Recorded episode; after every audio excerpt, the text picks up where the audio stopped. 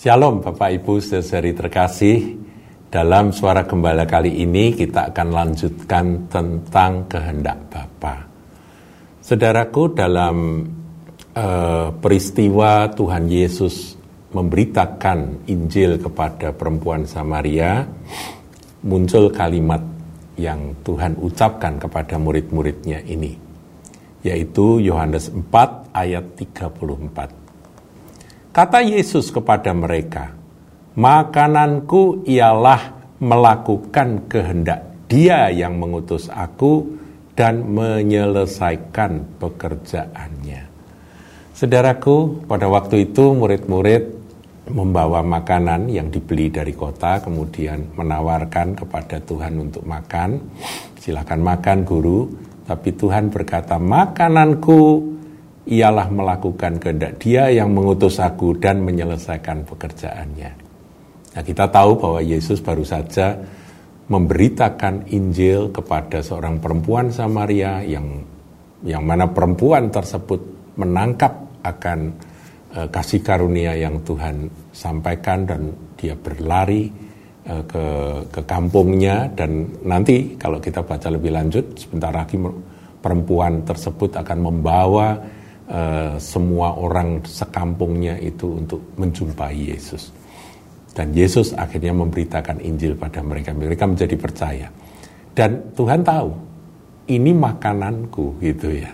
Jadi ketika dia disodori makanan sama murid-murid, dia berkata, makananku ialah melakukan kehendak dia yang mengutus aku dan menyelesaikan pekerjaannya. nah, sekarang kita coba renungkan saudaraku ya. Ini satu logika sederhana ya. Bagi Tuhan Yesus melakukan kehendak Bapaknya itu adalah seperti makan. Dia anggap setiap kali Tuhan melakukan kehendak Bapa itu sama seperti dia menikmati makanan. makanan itu untuk apa tuh saudaraku? Ya ini saya catat ya. Yang pertama makanan adalah kebutuhan utama untuk hidup. Saudara kalau tidak makan ya lama-lama kurus-kurus-kurus mati saudaraku ya. Jadi makanan itu adalah kebutuhan utama untuk orang bertahan hidup. Jadi secara rohani kita ini kalau mau hidup ya lakukan kehendak Bapa. Kita harus melakukan kehendak Tuhan setiap kali dalam hidup kita ini. Ada kehendak Tuhan dinyatakan, mari kita lakukan, lakukan, lakukan. Itu adalah seperti kita makan. Ada orang berkata makan itu sehari tiga kali, ada yang berkata dua kali, ada yang lebih, saya ragu ya. Tapi makan itu penting. Kalau nggak makan, orang akan kelaparan dan orang akan menjadi lemah, sakit, dan mati. Ya, saya pernah dengar ada satu cerita kejam itu dari seorang seorang teman. Dia pelihara harimau, kemudian dia merasa tidak sanggup lagi memelihara harimau tersebut. Ya di, di kandang, saudaraku ya ditaruh di sebuah kandang karena harimau-nya makin besar, tuntutan makanannya makin banyak ya. Dikasih daging, kasih ayam itu tiap hari makanannya tambah terus, tambah gede. Nah, Berapa waktu kemudian ketemu saya, saya tanya sama teman ini, bagaimana dengan peliharaanmu itu harimau yang kamu pelihara di belakang rumahmu? Dia berkata, sudah mati. Loh, caranya gimana? Kamu suntik mati? Enggak, ya saya diemin aja, nanti kan mati sendiri. Wah kejam banget saudaraku. Jadi harimau itu dibiarkan kelaparan dan mati. Ya memang, baik binatang maupun manusia kalau tidak makan pasti mati. Demikian kalau kita tidak melakukan kehendak Bapa, kita akan menjadi lemah, kurus secara rohani dan kita akan mati. Itu yang pertama. Yang kedua, makanan adalah sumber energi, betul ya? Kalau kita nggak makan, kita lemah, saudaraku. Atau kalau makannya kurang, kita lemah. Jadi kalau ingin rohani kita kuat, kita harus makan. Yesus berkata, makananku adalah melakukan kehendak Bapa, sumber energi. Makanan juga sebuah kenikmatan atau kesenangan. Ya, makanya sekarang ada wisata kuliner, saudaraku ya.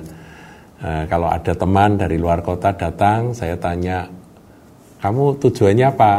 Ini liburan ini ke, ke, ke kota Semarang. Ya kuliner lah gitu. Kenapa? Karena makanan Semarang enak-enak katanya. Hari ini soto, besoknya sate, lusa tahu pong dan sebagainya. Begitu ya saudaraku ya. Jadi makan itu adalah sebuah kenikmatan. Makanya sekarang ini warung makan, rumah makan itu menjadi bisnis yang menjanjikan. Kemudian ya kalau itu anu ya makna rohaninya tadi sudah paham ya. Jadi kalau sudah melakukan kehendak Bapa seperti Yesus memberitakan Injil begitu, selesai memberitakan Injil ada satu kesenangan, ada satu kepuasan, ada satu sukacita. Ya, ada satu kenikmatan. Karena melakukan kehendak Bapa itu adalah kenikmatan makanan juga ekspresi dari perayaan atau sukacita. Ya, kalau dalam pesta-pesta selalu ada makanan yang disajikan. Demikian melakukan kehendak Bapak itu harus kita rayakan sebagai sebuah sukacita di dalam hidup rohani kita. Kemudian makanan adalah sebuah keharusan yang berkesinambungan ya. Saya ini pengulangan dari bahwa makanan adalah kebutuhan utama. Jadi hari ini kita makan besok kita makan lagi. Jadi ada orang-orang Kristen yang uh, berkata, ya aku dengar firman kok itu-itu saja. Ya mungkin perlu variasi yang lain gitu ya. Tetapi saudaraku kalau nggak makan kita akan mati. Gitu ya. Jadi kita harus makan. Makanan itu adalah ya kita menerima firman Tuhan dan melakukannya. Ada orang yang menerima firman Tuhan tapi tidak melakukannya, mendengar firman Tuhan, tahu firman Tuhan, bahkan menceritakan firman Tuhan itu dengan semangat tapi dia tidak melakukan dalam kehidupan sehari-hari, maka dia makin lama makin lemah secara rohani. Jadi harus secara berkesinambungan terus-menerus. Besok makan lagi, besok makan lagi. Jangan bilang bahwa hari ini aku makan besar, seminggu aku nggak makan. Nggak bisa gitu, saudaraku. Makanan adalah sesuatu yang memberi kepuasan terhadap rasa lapar, saudaraku. Saudara merasa hidup rohani saudara kering, kosong, barangkali saudara perlu merenungkan firman Tuhan. Ya, ini kan manusia tidak hidup dari roti saja, melainkan dari tiap-tiap firman yang keluar dari firman firman dari mulut Tuhan ya itu kita firman ini kita baca renungkan. Tapi nggak berhenti di situ, saudaraku. Harus difahami, dimengerti, izinkan roh kudus mengajar, dan izinkan roh kudus menggerakkan kita untuk menjadi pelaku-pelaku. Maka rasa lapar itu akan terpuaskan. Haleluya. Sesederhana itu Tuhan Yesus mengumpamakan. Melakukan kehendak Bapa adalah makanan bagi Tuhan. Tuhan memberkati.